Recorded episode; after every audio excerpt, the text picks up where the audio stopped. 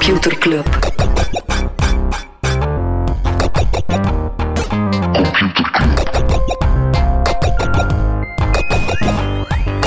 Computer Club. Hey Smolly. Hey Freddy, Hey Daniel. Welkom. Hey. welkom. Welkom bij Computer Club, een wekelijkse podcast over technologie. Iedere aflevering selecteren Freddy en ik normaal gezien een artikel en presenteren een feitje.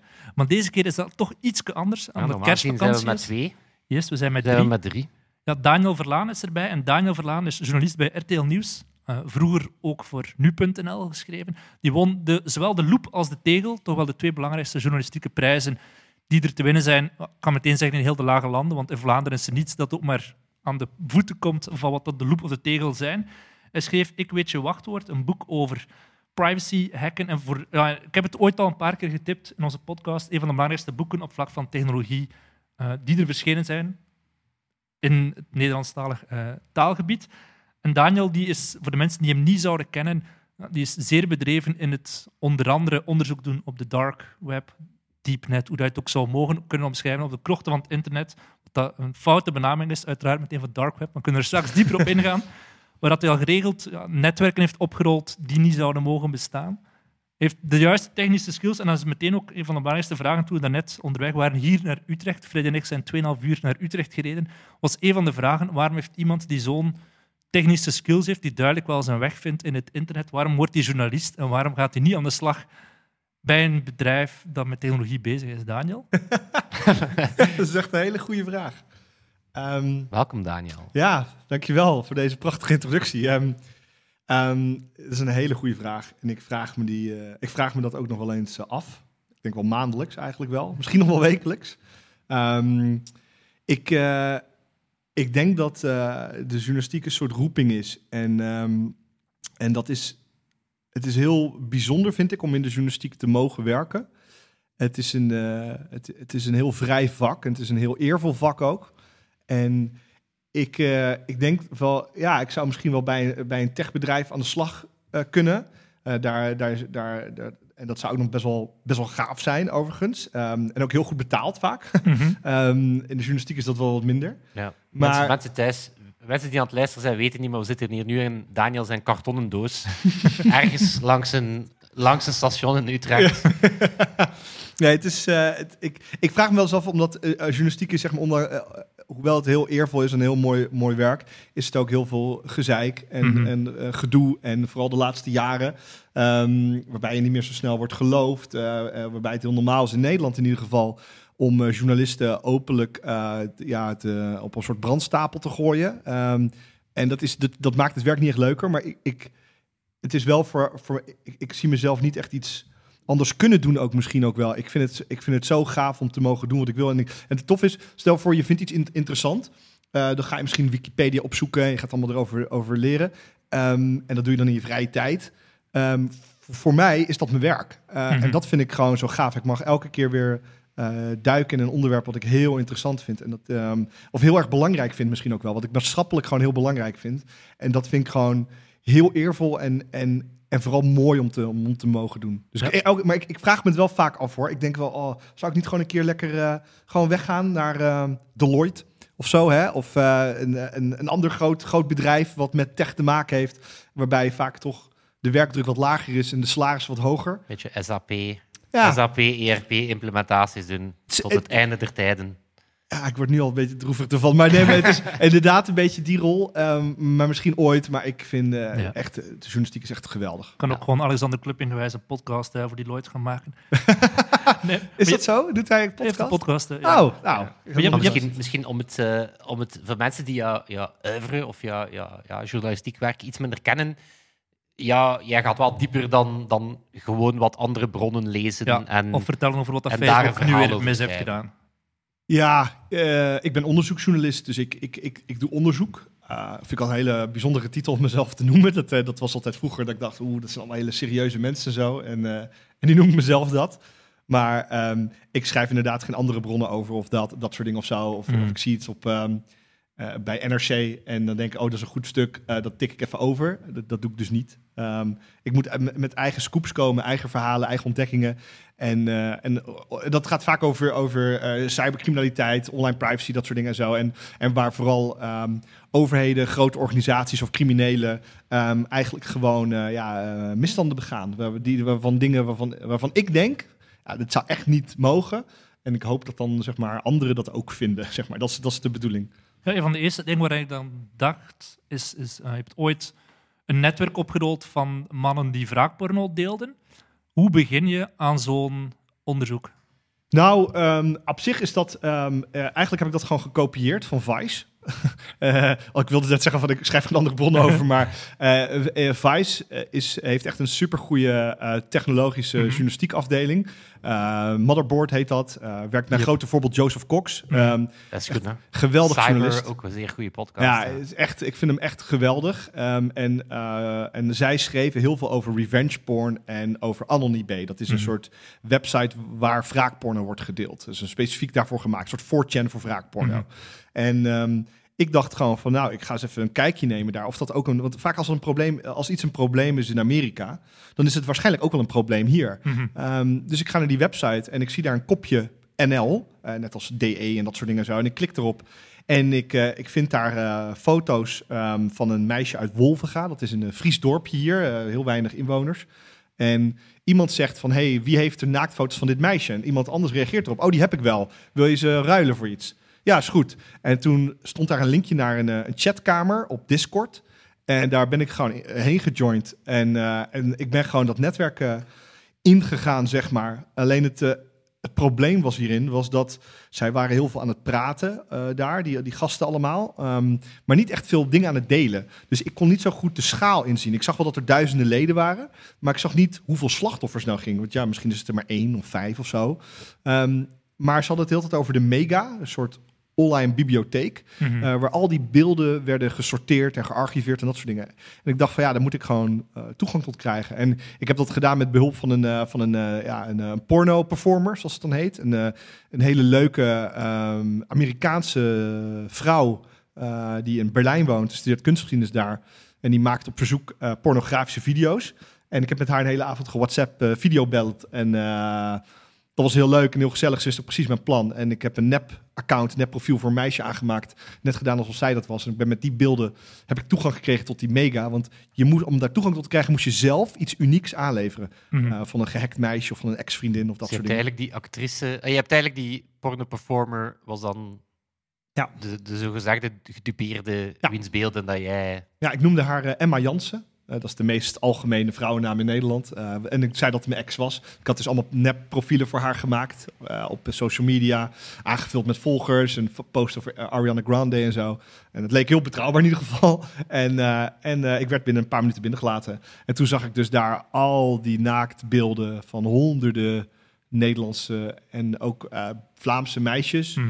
En eh, ik dacht, ik, schrok me ook echt helemaal. eh, ik schrok er echt heel erg van. Want het was echt heel veel en heel ge- georganiseerd ook, heel professioneel zag het eruit.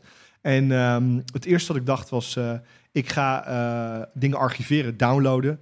om, zoals ik er word uitgetrapt, dat ik het nog heb. dat ik weet, wat is de schaal, wie zijn het. Want ik heb echt mijn best gedaan. Bijvoorbeeld, wij wilden natuurlijk een aantal slachtoffers spreken. Van, hey, ook, ook benieuwd, waar, waar komen de foto's vandaan? Hè? Is het vooral eh, gehackt materiaal of is het vooral gestolen of ex-vriendinnen?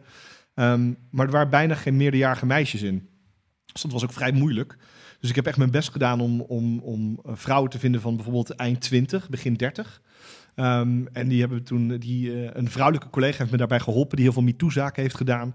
En eh, die heeft contact gezocht met deze vrouwen om, om, een, om een soort van, ja, een, een, hun, hun eh, ja, de stem ook te laten horen. En hoe, hoe weet je wie die vrouwen zijn? Staan die daar met naam en toenaam Ja, bij? ja, ja, die- ze waren gesorteerd op naam. Ja. Dus, en elke map had naast de afbeeldingen en video's ook een tekstbestandje met daarin hun volledige naam, telefoonnummer, social media account en soms ook woonadres. Dus het was een soort doxing, zeg maar. Ehm, en wat die gasten deden was dat ze haar hen eh, volgden of toevoegden op WhatsApp of op, eh, op eh, social media omdat zij zo'n soort gevo- gevoel van macht kwam ik later achter, omdat die gasten wisten van ik heb iets wat ik niet zou mogen hebben. En daar worden ze elke keer aan herinnerd als zo'n meisje een update plaatst, een foto of een story of zo. Mhm. Dus het was eh, op die manier... dan over naar, naar afpersing? Dat ze effectief die persoon contacteren en zeggen: Ik heb naaktfoto's van jou. Nee, bijna nooit. er meer? Oké. Nee, bijna nooit. Dat, dat zou je denken van wel. Mhm. Maar deze gasten die, die, Dat is eh, echt die, het machtscomplex van... Ja. Ik, die waanden zich in de luwte. En die wilden zo, zo onopgemerkt mogelijk blijven. En op Eh. welk punt in zo'n onderzoek besef je: Ik moet naar, de politie gaan? Of zit je parallel te werken met de politie? Hoe, hoe verloopt zoiets dan? Nou, ik werk nooit samen met de politie. Mhm. Eh, dat, dat zou mijn eh, onafhankelijkheid verstoren. Eh, want dan kan je bijvoorbeeld... Stel ik zou samenwerken met de politie... en de politie zegt... wij, wij moeten hier een maand onderzoek doen... Wat betekent dat een maand lang dat netwerk nog open blijft? Dat zou voor mij betekenen dat er een maand lang nog meer slachtoffers zijn. Echt heel, heel veel slachtoffers. Ja, dat, daar ga ik niet mee akkoord. Dus je bent dan niet onafhankelijk. Dus eh, voor mij, ehm, ik heb het allemaal zelf gedaan. Ehm, wel logischerwijs met mijn hoofdredactie en juridische zaken van RTL die er vanaf wisten. Maar ik heb toen een aantal dagen voordat ik ging publiceren, heb ik de politie op de hoogte gesteld van joh, ik zou hier op de, dit linkje, naar die Discord, even een kijkje nemen. Ehm, want ik kon het niet over mijn, eh, mijn burgerhart verkrijgen dat eh, als ik zou publiceren dat het weg zou gaan. Mhm. Uh, want dan verdwijnt het in één keer. Dan ver- verwijderen ze het en dan, dan is het ook weg. Ehm, en de politie heeft daar heel goed op gereageerd. We hebben heel snel actie ondernomen. En die weten, denk ik, denk ik wel, als ik doe het bijna nooit, eerlijk gezegd. Volgens mij is het mijn enige keer, denk ik, dat ik het heb gedaan.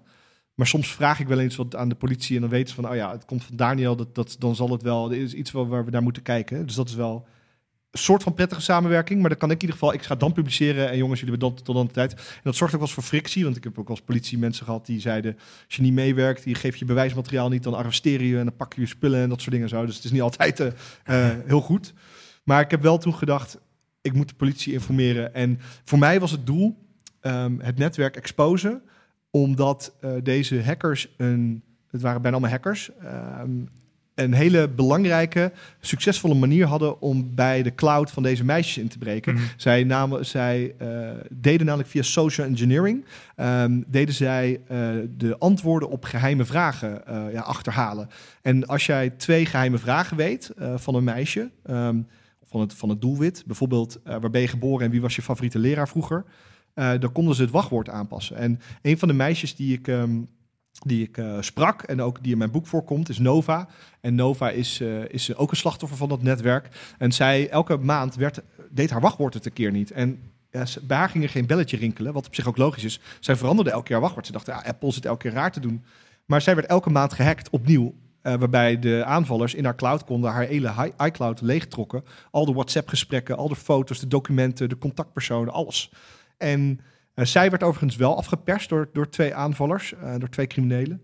Ehm, maar ik vond het zo belangrijk om tegen eigenlijk heel vrouwelijk Nederland en ook, ook België, daar, daar heeft VTM ook nog een rol in gespeeld. ehm, om te zeggen, joh, alsjeblieft schakel tweestapsverificatie, want dat beschermt tegen deze, tegen deze criminelen. Mhm. En dat was voor mij heel belangrijk, dat ik zo snel mogelijk ook wilde publiceren. Ik kon niet een maand wachten of zo, want elke week kwamen er eh, vele tientallen slachtoffers bij. Eh, als je, dat ik, dan heb ik op mijn geweten dat er, dat er meer dan honderd vrouwen misschien wel slachtoffer nog zijn.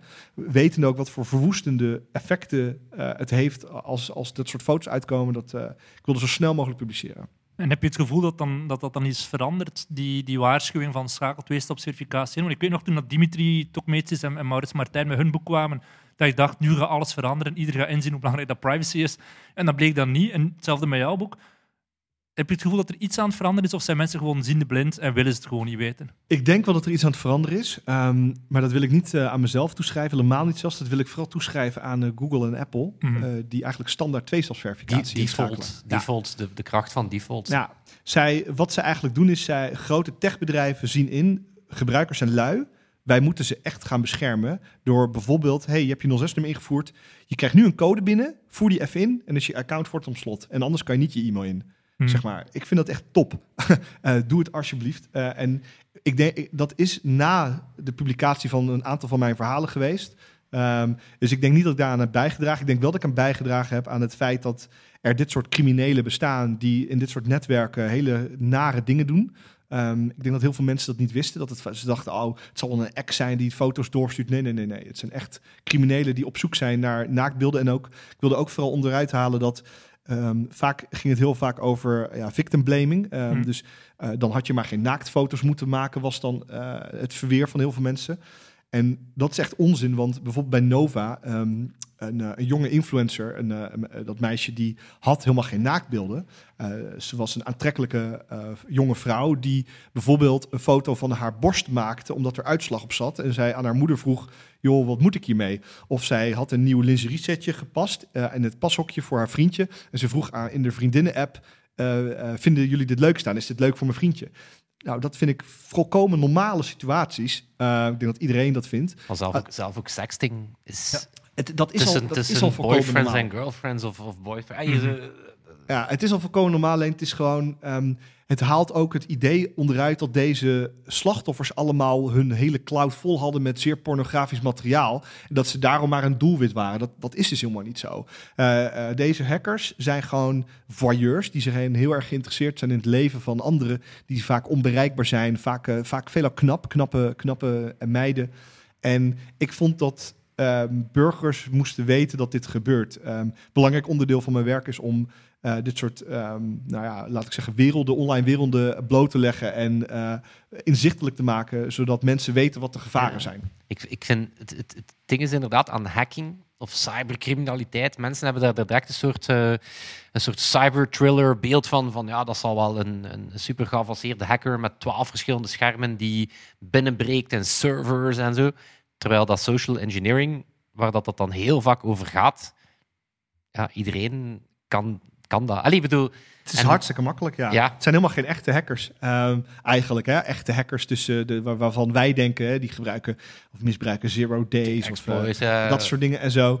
Nee, het zijn de meest simpele gassies. En eh, ze gebruiken stand, kant-en-klare tools. Bijvoorbeeld, ze gebruiken iCloud-rippers. Dat zijn tools voor opsporingsdiensten ehm, die je gewoon kan downloaden ook. Die, ehm, die ook commercieel verkrijgbaar zijn om, om iClouds inzichtelijk te maken. Ja, dat is niet zo moeilijk. Je, je downloadt een iCloud-backup en importeer die in een programmaatje. En je hebt al je WhatsApp-berichten. Ja, Mhm. eh, script kiddies noemen we dat eh, in, de, in, de, in de techwereld, zeg maar.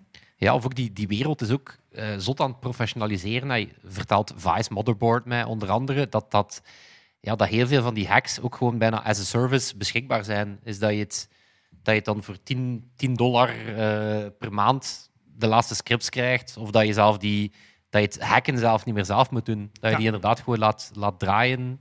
Ja, het is eh, hacking as a service. Hè. Dat, eh, dat, eh, dat, dat is erg populair. En dat, ik bedoel, als je niet zelf kan hacken, ja, dan zijn er heel veel tooltjes op GitHub. Tot aan commerciële verkrijgbare tools om het te kunnen. En dan hoef je vaak alleen maar op een knopje te drukken. Het is een beetje, het is een beetje vergelijkbaar met eh DDoS'en. Mhm. Dat is ook gewoon een websiteadres of een IP-adres invoeren en dan op, kno- op een knopje drukken. En dan voor 5 euro kan je de belastingdienst platleggen. Hartstikke leuk. Totdat je wordt gepakt. Heb je het gevoel dat er in die hackingwereld, nou, ja, daar ben je toch snel een bekende naam geworden waarschijnlijk. Hoe reageren ze? Of zie je in de chat soms dingen over jou zeggen? eh? Heb je het gevoel dat je zelf vaker slachtoffer bent bijvoorbeeld van, van hacks? Ehm, nou, ik, ik, ik, eh, het is wel grappig. Ik, ehm, enerzijds, eh, ik ben, ik ben in een vrij korte periode wat bekender geworden eh, door een aantal onthullingen. Ehm, en eh, dat, dat, heeft, dat heeft het voordeel dat er heel veel mensen zijn die opeens naar me toe komen en zeggen: Ik heb een goed verhaal voor je, ook criminelen eh, eh, en zo. Ehm, en het heeft de, de keerzijde is vooral door dat boek, is dat. En ik heb ook een website, laat je die hack maken, Mhm. die een soort anti-hack handleiding is, om je te beschermen tegen criminele hackers. En dat ze mij als een soort van doelwit zien, eh, als een soort van de, de, de, de, de hoogste prijs. Ja. Ja, om mij te pakken. Zeg maar, als ze mij kunnen defacen en, en mijn Twitter of mijn website, mijn persoonlijke, of laat je een hack maken of weet ik veel wat. Uh, en dat, uh, daar is een soort, er is een soort tweedeling daarin. Dus, um, enerzijds vinden heel veel criminele hackers me heel cool.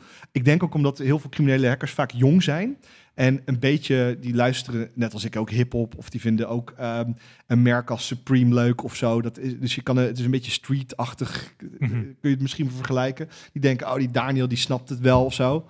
Um, en daar, daar, daar, heb ik bijvoorbeeld nu heel veel profijt van. Ik heb bronnen die ik wil, graag wil spreken voor mijn eigen podcast of voor andere verhalen uh, die, uh, die ik anders nooit te spreken zou kunnen krijgen. Maar ik word ook nu, ja, dat is wel, wel weer een paar jaar, maar echt wel veel meer bedreigd, aangevallen. Um, uh, en, en ook wel um, ja, gewoon wat narige dingen. Uh, laatst was er een gast die had uh, allemaal hogescholen in Nederland gehackt. En ik schreef daarover. En die zei, eh, eh, en ik zei dat ik een deel van die data had. En dat klopt ook. Eh, maar die had, die had ik gekregen van een andere hacker. Die met hem die de hacks had gepleegd. En hij was heel boos op mij dat ik had geschreven dat, dat, die data, dat ik die data had. Omdat hij daarmee zijn unieke functie kwijtraakte. Dat hij zei, ja, de data kreeg alleen van mij en dat soort dingen. Dus hij was minder waard. En zijn credit, credibility op een hackerforum ging ontzettend omlaag door een verhaal van mij. Nou, dat heb ik geweten. Ik heb echt, ik heb echt dagenlang vrijwel geen internet gehad, bijvoorbeeld. Eh, ik heb echt eh, heel, veel, eh, heel veel andere aanvallen gehad waar ik echt last van heb gehad. Nooit echt hacks of zo, maar wel dat je gewoon denkt van ah, hij probeert echt binnen te komen, zeg maar. En dat is best wel, dat is niet heel prettig of zo. Het zijn wel goede hackers ook soms wel. Dus ik, ik, ik ben daarom nu ook wel. Ik krijg ook van RTL vaak één dag in de maand of zo, twee dagen misschien wel.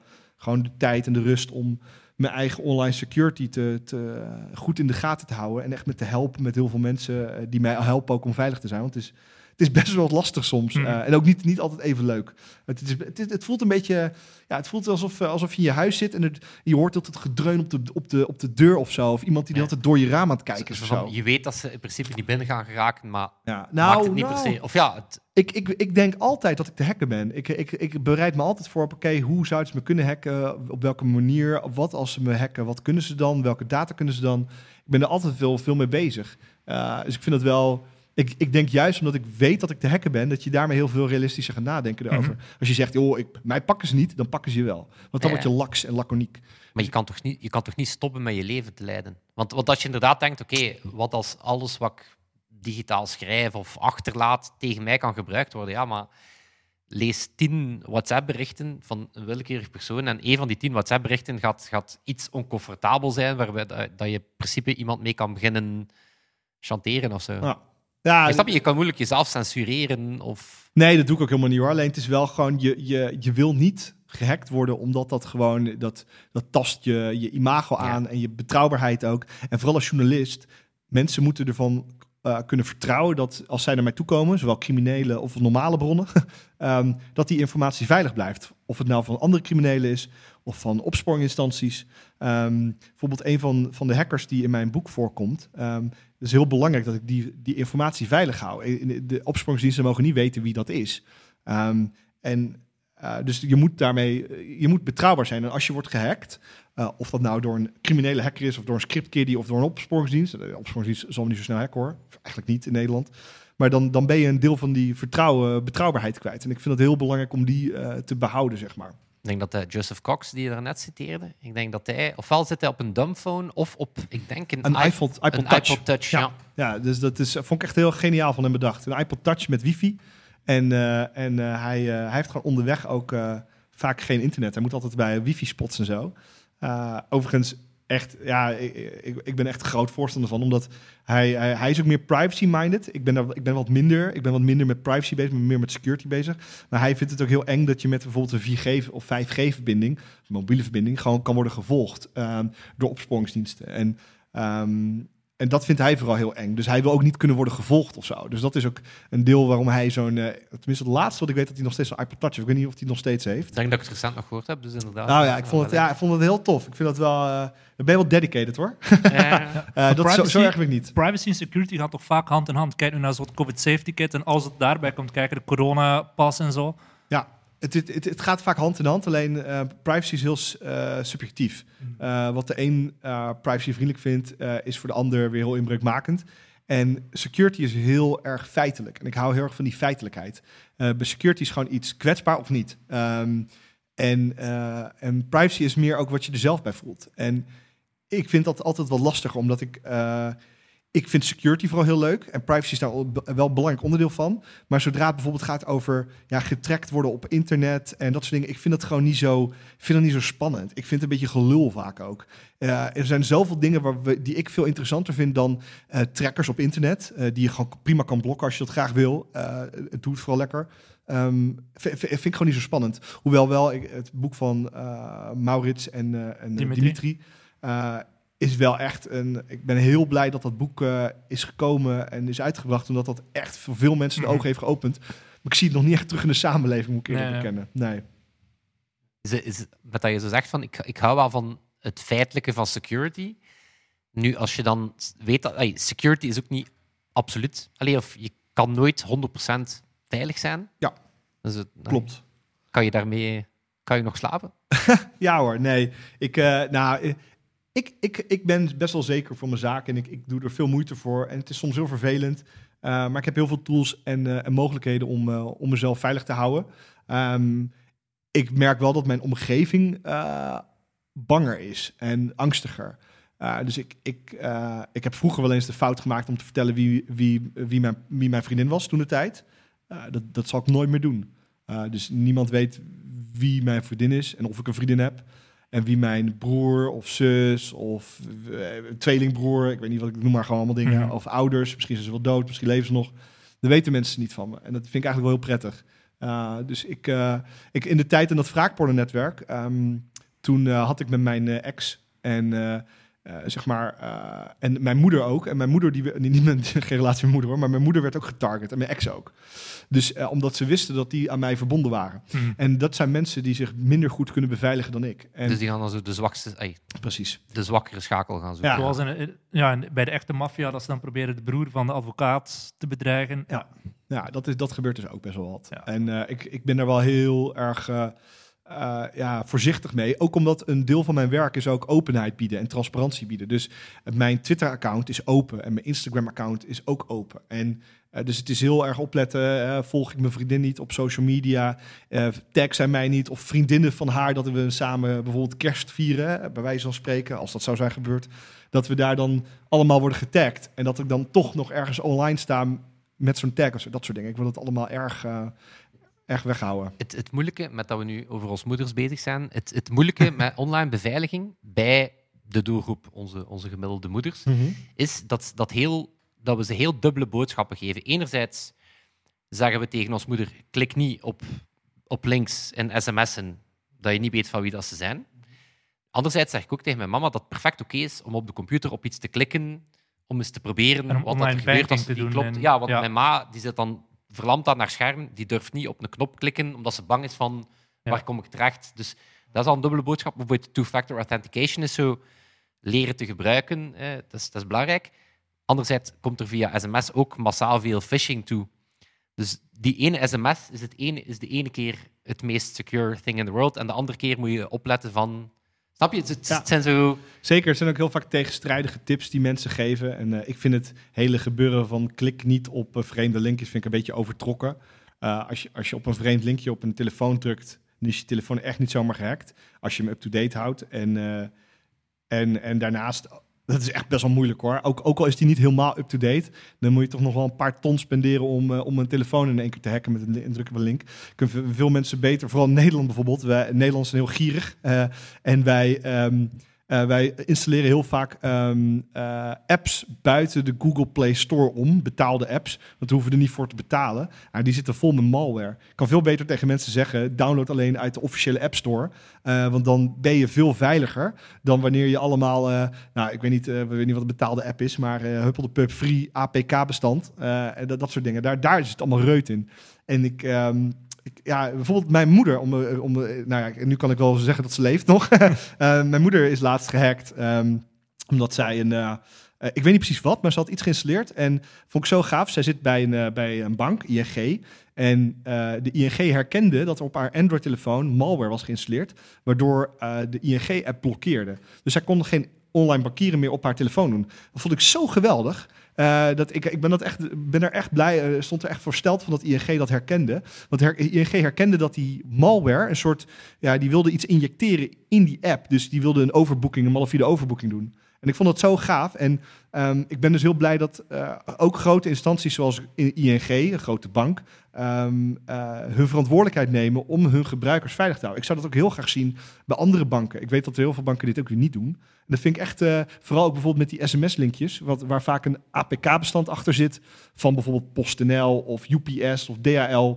waarbij je een pakketje moet volgen. Nou, installeer dat gedoe. En dat is gewoon een, een Trojan die, die je banken-app probeert over te nemen.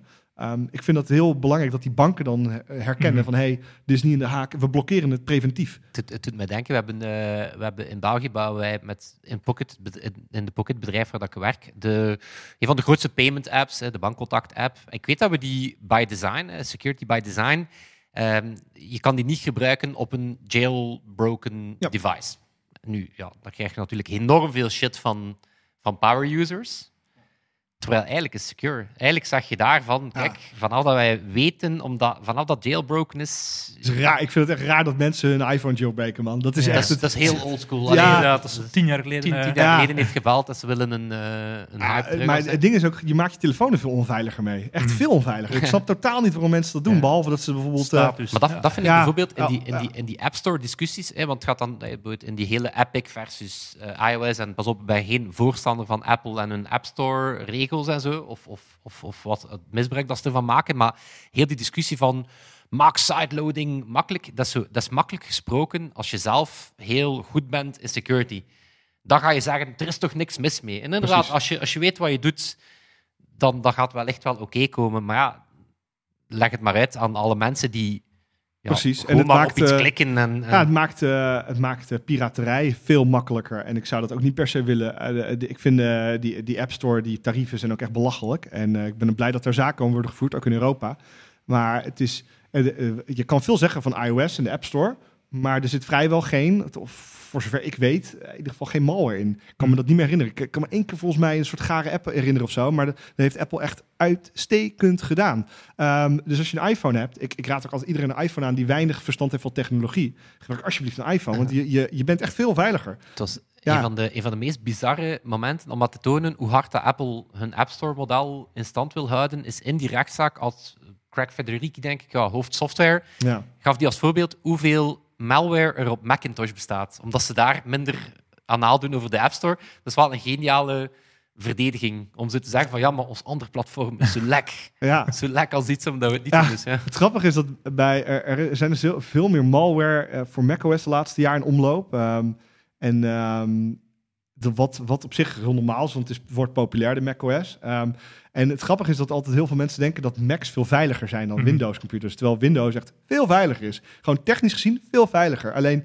daar is zoveel meer voor in omloop. En zoveel jaren langer wordt er al malware voor ontwikkeld. Dat je eigenlijk meer risico loopt met een veel veiliger systeem. Wat echt een heel rare, raar gebeuren is. Maar ik, ik, macOS moet ook echt goed aan de bak gaan. Willen ze het bij kunnen houden. Want er, zit, er zijn echt veel dingen lek in, eh, in Mac. De laatste jaren ook. En ook in de iOS ook wel een paar dingen. Dat, ik me echt wel zorgen maak over of het nog wel zo veilig blijft. Omdat ik van mijn bronnen uit... ehm, uit de, zeg maar, de opsporingsdiensten hoor, dat eh, daar eigenlijk dat ze gewoon de meeste problemen hebben om in te komen bij eh, up-to-date Androids en eh, een goede Windows computer. En helemaal niet meer zo erg bij Mac. Dat is weer een ander, wel iets ander threat model dan bijvoorbeeld van cybercriminelen. Maar ik- ja, ik maak me er wel een beetje zorgen om zelf. Ik vind het wel, eh, wel vervelend, wel moeilijk of zo. Wie, wie, wie is dan het meest kwetsbaar? Zijn dat gewoon individuen, bedrijven, overheden of die tech-infrastructuur die eronder ligt? Goh. Ehm, ik denk dat consumenten vooral ehm, eh, kwetsbaar zijn door hun eigen onkunde. Ehm, en eh, gewoon eh, wachtwoord hergebruik, geen tweestapsverificatie, jezelf laten oplichten. eh, of laten oplichten klinkt een beetje denigrerend, maar hè, in trappen in phishing, vriend in nood, fraude, WhatsApp-fraude, dat soort dingen en zo. Daar zit vooral een heel belangrijk kenmerk met bewustwording. Bij bedrijven geldt eigenlijk hetzelfde. Alleen bedrijven liggen nu veel meer onder een, onder een vizier van cybercriminelen, omdat ransomware gewoon. Ja, kijk, je kan proberen 100 oude omaatjes op te lichten en daarmee een ton te stelen. Of Maersk en dan een miljard eh, opschrijven of Precies. zo. Ja. Exact. Het is gewoon een rekensommetje. Alleen, ehm, vooral omdat ransomware, waarom ransomware nu zo populair is, is vroeger werd ransomware vooral gemaakt specifiek voor eh, eh, bedrijven en dat maakte en verspreidde dan de makers, gewoon een klein groepje. En nu kun je eigenlijk zeggen van, nou, weet je wat, jij bent een ransomware maker, Ehm, ik ben een simpele jongen of meisje en ik eh, pak die ransomware en ik ga proberen binnen te komen om later te, in- te installeren bij bedrijven. En ik heb een eigen soort van versie van die ransomware, een soort affiliate heet dat dan. En ik krijg zoveel procent van de opbrengsten. Ja, en daardoor eh, eh, worden die ransomware-makers opeens geholpen door allemaal hulptroepen die er een graantje van mee proberen te pikken. En ehm, je ziet gewoon dat bijvoorbeeld bij, ehm, voor zover ik weet, bij de Mediamarkt bijvoorbeeld, in, in, die in Nederland is eh, Ehm, volgens mij was het ook een affiliate van Hive, dat is een grote ransomware groep. En volgens mij was dat een affiliate die, die probeerde voor Hive dingen te, eh, te, te infecteren. En dat is dan net altijd niet even nou goed, zeg maar. Gaat dat niet, niet even professioneel te werk. Maar ja, de kans dat je wordt gepakt is vele malen groter. ehm, als bedrijf dan. En consumenten zijn gewoon, is meer klein bier. Dat is meer voor de jeugdige boefjes, de cyberboefjes, die proberen jou 500 of 1000 euro afhandig te maken. Soms ook wel meer hoor. En, en ik bedoel, als je maar 5000 euro op je spaarrekening hebt staan, eh, dan is dat heel veel geld. Ehm, maar je ziet dat er een, vooral een verschuiving is naar, eh, naar die kant. Ik denk dat de tech-infrastructuur valt nog wel mee. Het, internet is altijd een soort aan elkaar geknoopt van, van oude meuk. En dat werkt eigenlijk best goed.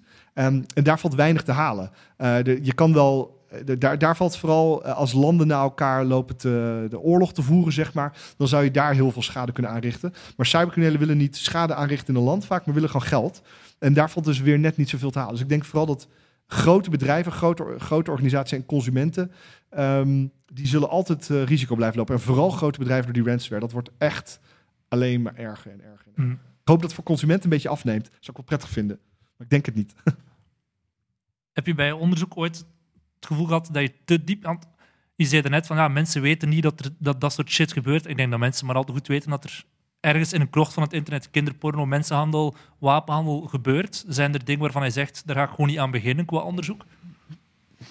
Nee, dat niet. Ehm, Ik ben wel heel duidelijk na mijn onderzoek naar eh, seksueel misbruik van kinderen op het eh, dark web ben ik heel duidelijk gestopt ermee met dat soort verhalen. Ik, had, ik, doe, ik heb, ben undercover gegaan bij Vereniging Martijn. Dat is een eh, Mhm.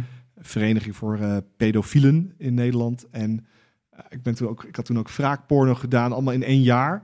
En, dat, en ik, ik was wel even op toen. Ik was echt klaar, zeg maar. Dus dat doe ik niet meer.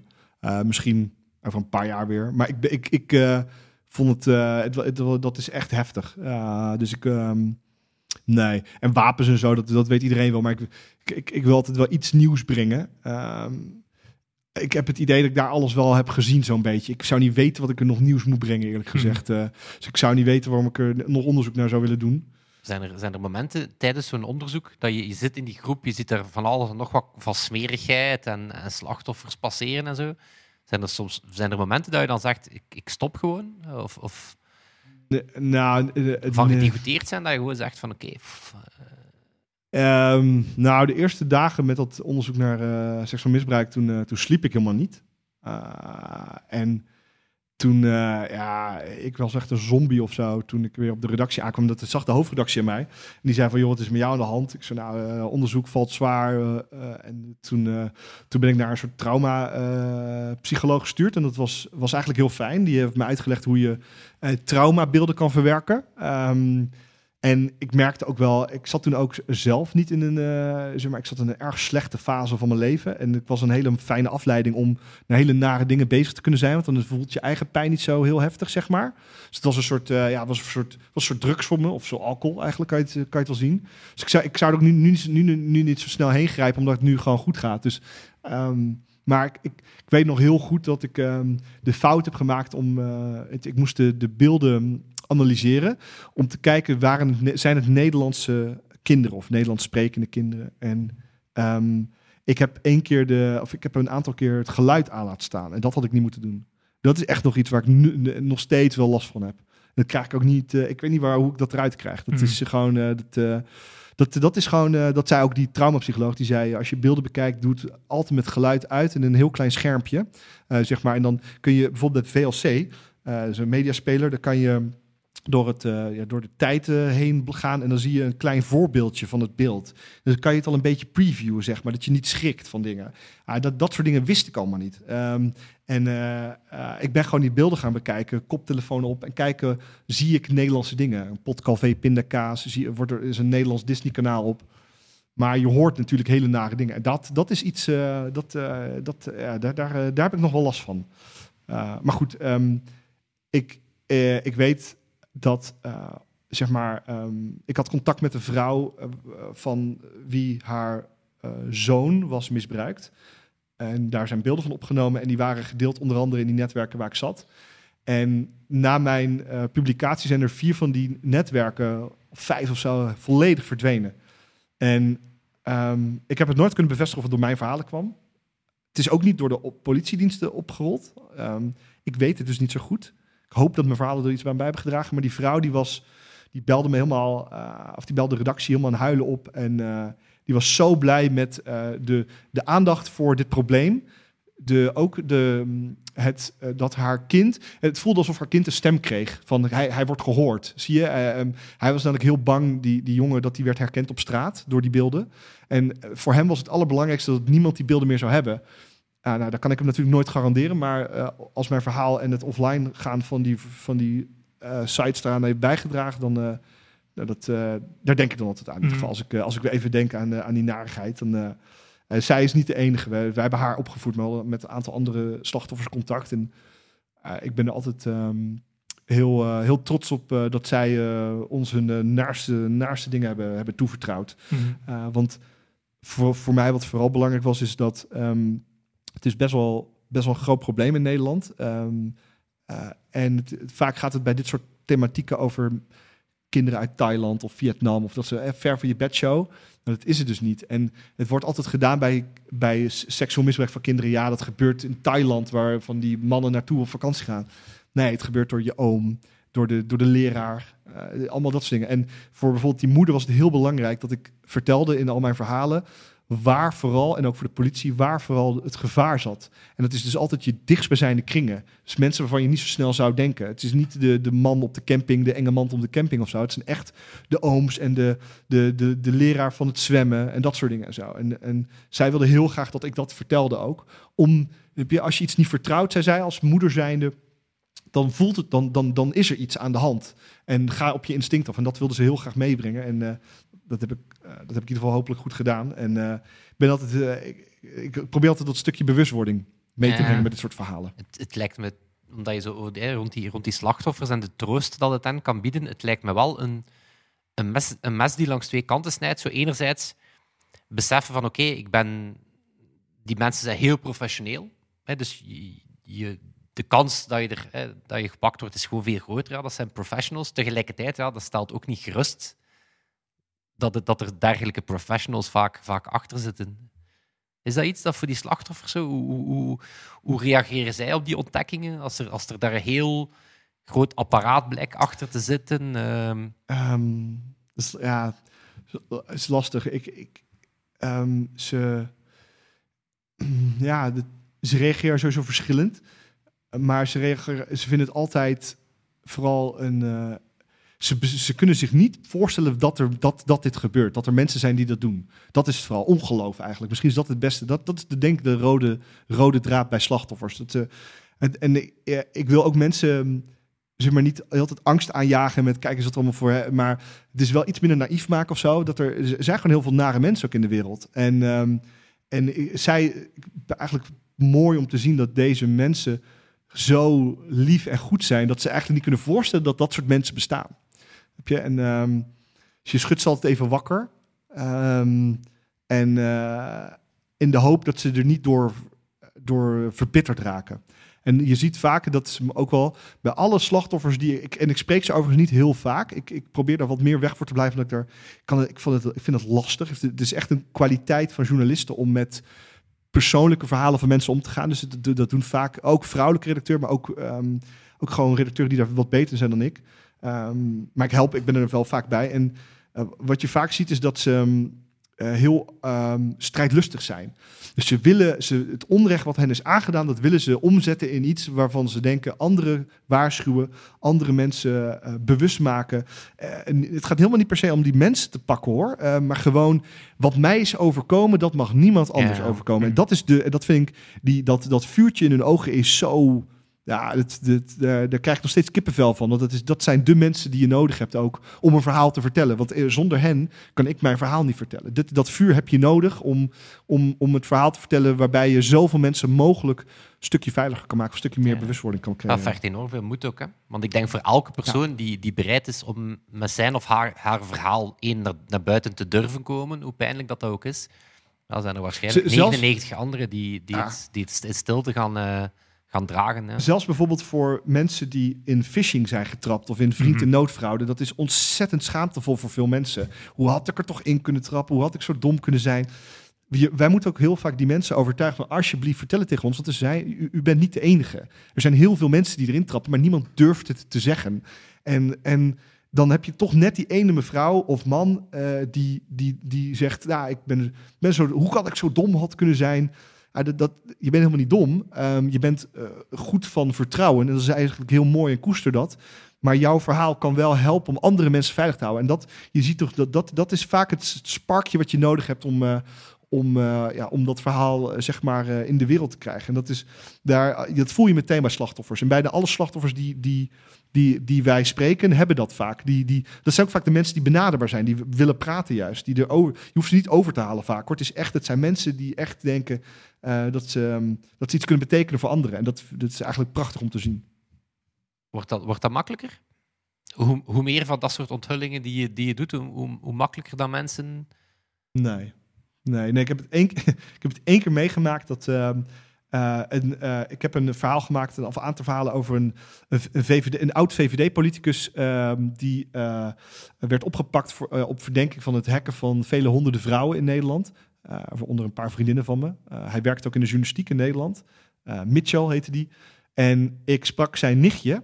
En zijn nichtje was ook gehackt door hem. En hij had naaktbeelden van haar, zeg maar, gestolen gemaakt.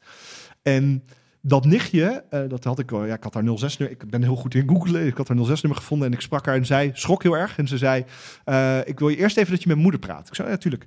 En die moeder, die, eh, die had me aan de telefoon, dat was een hele leuke vrouw. En die zei, ja, ja, ik zag jou eh, gisteren bij Pauw, was dat toen nog, talkshow. En je zei, ik, jou wel, ik vind jou wel een leuke, betrouwbare jongen. Jij mag wel met mijn, mijn dochter spreken. En dat is de eerste keer dat ik een soort van door de verhalen die ik had gemaakt. Ik zat bij Pauw ook voor, voor een verhaal, voor een ontdekking. Dat dat, dat dat me iets op had geleverd qua eh, vertrouwen. Dus ik was daar heel blij mee dat, haar, dat dat nichtje ook haar verhaal wilde doen over, o- over heb je, het eigen neef, haar eigen neef eh, die dat doet. Ehm, en dat, dat is wel iets. ehm, Ik ben wel heel blij dat dat, eh, dat, dat, dat, dat dat een soort van vertrouwen wekt bij mensen. Maar ik heb daar niet, het is niet dat ik er ehm, wekelijks eh, dat ik daarmee word geconfronteerd. Het is een van de weinige situaties waarin ik hoorde, oh, ik, ik, ik, ze vertrouwen me een beetje. En, en, en algemeen wordt er makkelijker over, over dat soort cyberproblemen gepraat, nu dat we er gewoon meer en meer hebben? Of, of zijn we daar Eh. echt wel nog gewoon heel vroeg in, in het ja. taboe doorbrekende... Dat is een goeie. Ehm, ik denk dat we qua. eh, ik dacht dat we op, eh, met wraakporno heel erg op de goede weg zaten. Maar ik merk dat daar ook weer door eh, conservatieve christenen. En, en ook wel. Nou, op social media in ieder geval dat daar veel, weer veel teruggaat naar, naar de. Je had het maar niet moeten doen. En de victim blaming kant. En daar baal ik eigenlijk best wel van. Er is ook een nieuwe trend gaande met exposing. Met met name meisjes met islamitische achtergronden, waar, waar heel veel schaamte op, op berust en zo. Dus ik heb het idee dat we daar een beetje weer aan het teruglopen zijn.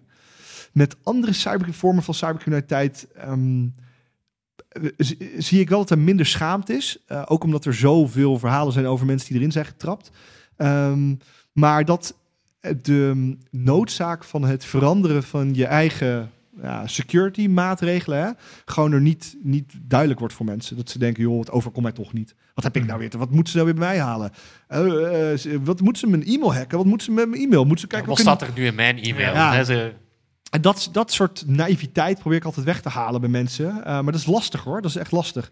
En ik, ik, ik, daar zie ik weinig. Ik zie daar toch niet, niet genoeg nog in ieder geval. Ik, ik ben blij dat techbedrijven hun verantwoordelijkheid nemen door mensen veiliger te houden. Maar die, die lakse, laconieke houding van veel mensen, dat doet me wel veel pijn. Dat, eh, dat vind ik jammer, want ik krijg ze elke, elke dag eh, nou, bijna huilend aan de telefoon omdat ze zijn gehackt. En eh, er is eh 20, 30.000 euro aan bitcoin van ze gestolen. Zeg maar. Die heb ik dagelijks aan de lijn, dat soort mensen. En eh, ja, er zijn toch mensen, ja, ik wist niet dat ze me konden pakken via mijn e-mail. Want die e-mail was gekoppeld aan Coinbase. Je kon een reset dingetje doen, dat, dat, dat. Ja, Ik heb, ik heb de indruk dat mensen het moeilijk hebben om zo de, de totaliteit van het net samen te zien. En dan denken ze, ja, wat staat er nu in mijn e-mail? En dan is ze, ja, maar als die e-mail kan gebruikt worden voor dat financieel platform, en als dat dan kan gebruikt... En weet je, zo de, de derde stap is heel moeilijk om te zien. En dan besef je van, ah, eigenlijk is het gewoon mijn messenger hacken, omdat ik toevallig bevriend ben met die persoon die daar werkt. En die is dan het echte eh, slachtoffer. En dat is denk ik moeilijk voor mensen om zo... Ja, het is totale plaatje te zien. eh. Ze, mensen onderschatten zichzelf altijd. Denken altijd van, oh, er valt er niks bij mij te halen. Maar zelfs al heb je maar 1000 euro op je rekening, eh, dat vinden ze ook nog leuk hoor. 1000 euro is toch 1000 Mhm. euro? Eh, vooral als het zwart geld is, want hoef je geen belasting over te betalen. Ja. Je zei daar net van die, van die netwerken, al die netwerken die, die zijn dan opgedoekt of die zijn verdwenen, maar hoogstwaarschijnlijk verschijnt er ergens anders weer een nieuw. Spreken we dan over, over Discord en Telegram of is dat Tor? Of hoe diep op het internet zitten we Mm, en hoe dieper, ah, hoe, ze gaan waarschijnlijk steeds dieper moeten gaan, de mensen die zo'n netwerken aanmaken. Ja, ehm, nou, vroeger eh, was het, eh, was het eh, Tor. En, en dat, dat was toen helemaal een hype. Dat valt nu eigenlijk wel mee. Tor is echt niet meer zo boeiend. Een dark web, zeg maar. Hm. Uh, wat nu echt, zeg maar, de, de, de- toen gingen ze heel erg naar Slack en Discord. Ehm, daar is de, de, ja, de controle veel beter geworden. Dus je ziet dat eh, dat lastiger is. Als daar één melding wordt gemaakt van iets, dan eh, is het gelijk offline. En nu gaan ze eigenlijk allemaal naar Telegram. Het is allemaal Telegram. Mhm. Telegram doet echt vrijwel niks aan. eh, Ja. ja. eigenlijk helemaal Zelfs niks. met één simpele zoek, zoekopdracht heb je de huistuin en keukencriminelen die drugs verkopen of die... Ja, het is, het is, Telegram is echt het nieuwe dark web. Mhm. Ehm, dus daar haal ik ook veel van mijn verhalen vandaan. Ehm, en Telegram, je moet vooral gewoon goed weten wie te vertrouwen is en wie niet. En dat is lastig ook, vooral op Telegram. Want het is allemaal criminelen. Welke criminelen te vertrouwen. Maar ehm, ook alle communicatie die ik vaak voer met hackers, criminele hackers, allemaal Telegram. Het zijn vaak throwaway accounts die ze dan aanmaken. Dan word ik opeens door ja, allemaal cijfers en, en letters word ik aangesproken. Hey, you there? En ik denk altijd, oh, wat is dit nou weer? En dan hi. En ik, you Daniel Verlaan? Ik zei, ja, ja. Zo, Oké, oké, I hacked Huppel de Pub. Do you, do you want sample? Ja, ik, weet eigenlijk niet waarom ik trouwens een soort Russisch accent ga nadoen. Want ik weet niet of ze Russisch zijn. Maar, maar ehm, do you want sample? En ik zei, ja, tuurlijk. En ehm, nou, dan krijg ik weer een hele rits eh, data van, eh, van een hacker om te verifiëren. En dan, eh, dat zijn vaak bedrijven of organisaties die niet hebben betaald. En dan denken ze, nou, dan, dan flikker ik het maar online. En dan hoop ik dat er een journalist over wil schrijven. Mhm. Dat is altijd de afweging voor jezelf die je dan weer maakt van, ga je erover schrijven of niet? Ehm, maar het is altijd, altijd Telegram. Het is allemaal Telegram. En, soms, soms nog Keybase ook nog wel eens. Keybase ook. Ja, ja. Geen signal. Nee. Signal moet je een 06-nummer voor hebben hè, en moet Oh, je ja. prijs geven. Ja. Dat, is de- dat willen heel veel criminelen niet. Heel, eh, Signal doet wel heel veel met bronnen, maar dat zijn allemaal legitieme bronnen. Het zijn Mhm. allemaal eh, zeg maar mensen uit de cybersecurity. Ja. Maar geen criminelen niet hoor, die, eh, die willen hun 06-nummer niet prijsgeven. Nee, nee. Wat was, eh, we hebben al een aantal, heel, een aantal thema's, of je hebt, jij hebt al een aantal thema's waar dat je stevig bent in afgedaald en geëxposed. Was, was een, wat staat er nog op je lijst? Ehm, ik wil ehm, meer onderzoek doen naar overheden die hun macht misbruiken. Mhm. Eh, ik, ehm, eh, dat, dat, dat, dat- bijvoorbeeld, ik heb dit jaar, allemaal heel in het begin, eh, heb ik eh, de, de datahandel uit het systeem van, de, van de, onze gezondheidsdiensten blootgelegd. En eh, daarin zag je ook eh, grove misstanden vanuit de overheid. Echt gewoon nou, heel, heel veel fouten die ze hebben gemaakt. En ook ontkennen, mij dreigen voor de rechter te slepen, dat soort dingen. en Zo gewoon nare, nare dingen, een soort Noord-Koreaanse praktijken. We hebben in En- Vlaanderen ook wel zo eh, een figuur rondlopen. Die de digitalisering van de overheid coördineert. Maar eh Ja? kan je er heel veel onderzoek naar doen. Maar ga gerust verder wat hij nog wil. eh Oh, Ja. interessant. ja, nou ja, het Frank is Robben Ja, Frank Robben heet die man. interessant. is de digitale paus in eh, Vlaanderen. Oké, ja, het is... Het kan is ook in- niet goed tegen kritiek daarmee. Ja? Ja, het is gewoon... ehm, eh, overheden en, en technologie zijn vaak een lastige combinatie. En er zijn heel veel overheden die hun, hun ehm, eh, overheidsdiensten, moet ik zeggen, die hun macht misbruiken. eh, met algoritmen, met, met zwarte lijsten. met de data van burgers die ze koppelen, weer doorverkopen, half, nou niet doorverkopen, maar door, doorgeven aan andere Mhm. diensten en zo. En ik wil daar eigenlijk, ik zou daar wat meer op willen gaan zitten. Ehm, maar ik vind het cybercriminele deel over ransomware schrijven, ransomware aanvallen, nieuwe phishing aanvallen, nieuwe malware, nieuwe Android virussen. Ik vind dat, ik, daar blijft mijn hart liggen vooral. Ik vind dat zo leuk, zo interessant en zo spannend ook. Dat vind ik dus wat minder bij de overheden. Dat vind ik wat minder spannend of zo, maar ik vind dat wel heel belangrijk. Dus ik, ehm, ik hoop dat ik het kan combineren. Maar ik heb bijvoorbeeld ook, wat voor mij ook belangrijk was, is Corona Check, die, die app van ons. Hè. Mhm. Eh, dat, dat soort ja, fouten en, en, en problemen en gevaren. Hoe kwetsbaar is dat? Hoe, hoe betrouwbaar is zo'n app en zo? Moet je überhaupt zo'n app willen? Eh, dat soort verhalen vind ik ook nog steeds heel belangrijk. Dus een combinatie van overheid en cybercriminaliteit. Dat lijkt me een hele mooie ehm, combi voor volgend jaar. Alright. Voilà. Denk ik geen slechte noot om, eh, Om op te eindigen. Hè? Nee, absoluut. Fantastisch. Misschien nog wat kijk- en eh, kijk, luister, leestips van, eh, van Daniel? Ehm, eh, zo, leestips. Ik lees dus niet. Ik heb Instapaper. Eh, dus ik, Goede websites. hè. Je Ja. hebt inderdaad Motherboard van Vice aangehaald. Ja, Zeer ja. ik, ik ben een, een jongen die... ik, le- ik lees Wired, Wall Street Journal, New York Times. gewoon de, de standaard dingen. Maar ik ben inderdaad een groot motherboard-liefhebber. Eh, ik, ik, lees daar graag een lang iets van. Ehm, ik vind eh, het boek van Hype Modderkolk... eh, eh, Mhm. Het is oorlog, maar niemand die het ziet... is een ontzettende aanrader. En, ik, en, en mijn grote, grote voorbeeld, waar ook mijn podcast zelf een beetje op is gebaseerd, ehm, is Darknet Diaries. Dat, dat, dat is echt een geweldige podcast. These Ehm, are the dark stories ja, ja, het is, echt- ja, het is, het is, het is echt een. ja, het is, hij is echt zo goed en zo'n fijne stem. En ik, ik luister er heel graag naar. En eh, ik hoop dat mijn podcast een beetje in de buurt kan komen van zijn niveau en kwaliteit. Ehm, ja, dat, Je hebt hem al een keer vermeld, je podcast. Hetzelfde naam als Waar, waar vinden we die? Ik weet je wacht op. Ja, ik weet je wel, gewoon overal. eh, van Spotify tot je eigen podcast hebt. eh, overal. Ehm, en ik zit nog te denken, als er nog een... eh, ja, ik ben, eh, als mensen nu luisteren die denken van hoe, hoe beveiligt die Daniel zich, eh, is wel... Ik heb altijd een hele... Ik gebruik veel Apple-apparaten. eh, die zijn nou eenmaal... Ja, die, die zijn in het algemeen veiliger, laat ik het nog steeds zo zeggen. Ehm, maar ik ben echt een ontzettend groot liefhebber van eh, alles van Objective-C. Eh, dat is een... eh, een, dat is van een, een oud NSA-hacker. Die is een soort developer geworden. En hij gebruikt of maakt allemaal gratis open source tools voor Mac. ehm, om je Mac veiliger te maken met firewalls. eh, met software die bijvoorbeeld in de gaten houdt. Kijkt iemand mee met je webcam? Dat, dat was nog pre dat, pre dat macOS dat nu doet. Die doet dat zelf. Maar bijvoorbeeld ook, ehm, wat wordt er persistent op je computer geïnstalleerd? Zoals ransomware, malware en dat soort dingen zo. Eh, Lulu heet dat, BlockBlock. Ik ben allemaal groot liefhebber van zijn, zijn programmatuur. Ehm, en iVerify is ook mijn, mijn favoriete iOS-app. Echt een heerlijke app is. En eh, ik dacht misschien nog een paar kleine eh, security tips. En gebruik Chrome. Ik kan niet dat kan, of, of een op Chrome gebaseerde browser.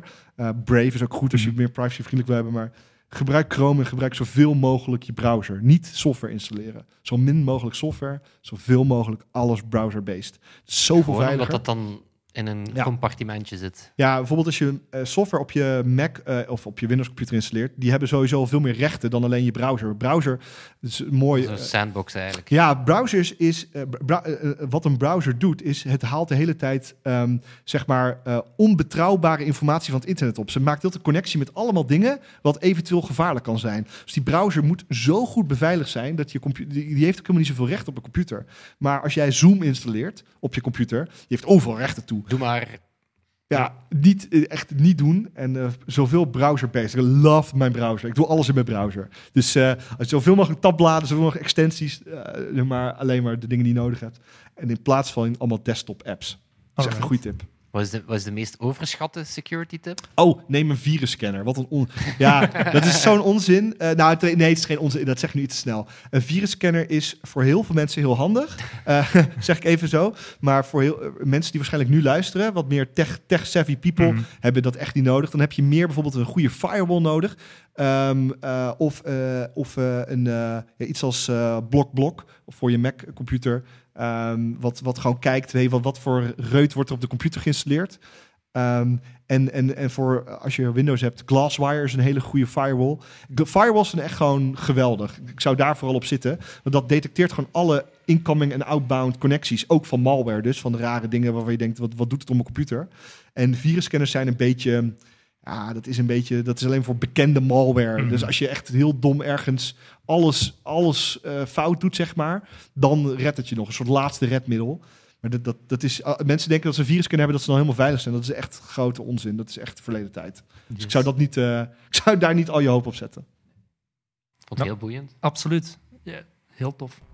Absoluut de moeite waard om uh, helemaal naar Utrecht te komen om uh, jou te mogen interviewen. Merci Daniel. Ja, graag gedaan. Leuk dat jullie er waren. Ja. Yes. Dan gaan we jou een uh, fijn eindjaar toewensen. Ja, jullie ook en de luisteraars ook. En inderdaad, Merci. al onze luisteraars. En dan Eh, uh, Dat zal het zijn. tot volgende week. Yo. Computer Club. Computer Club.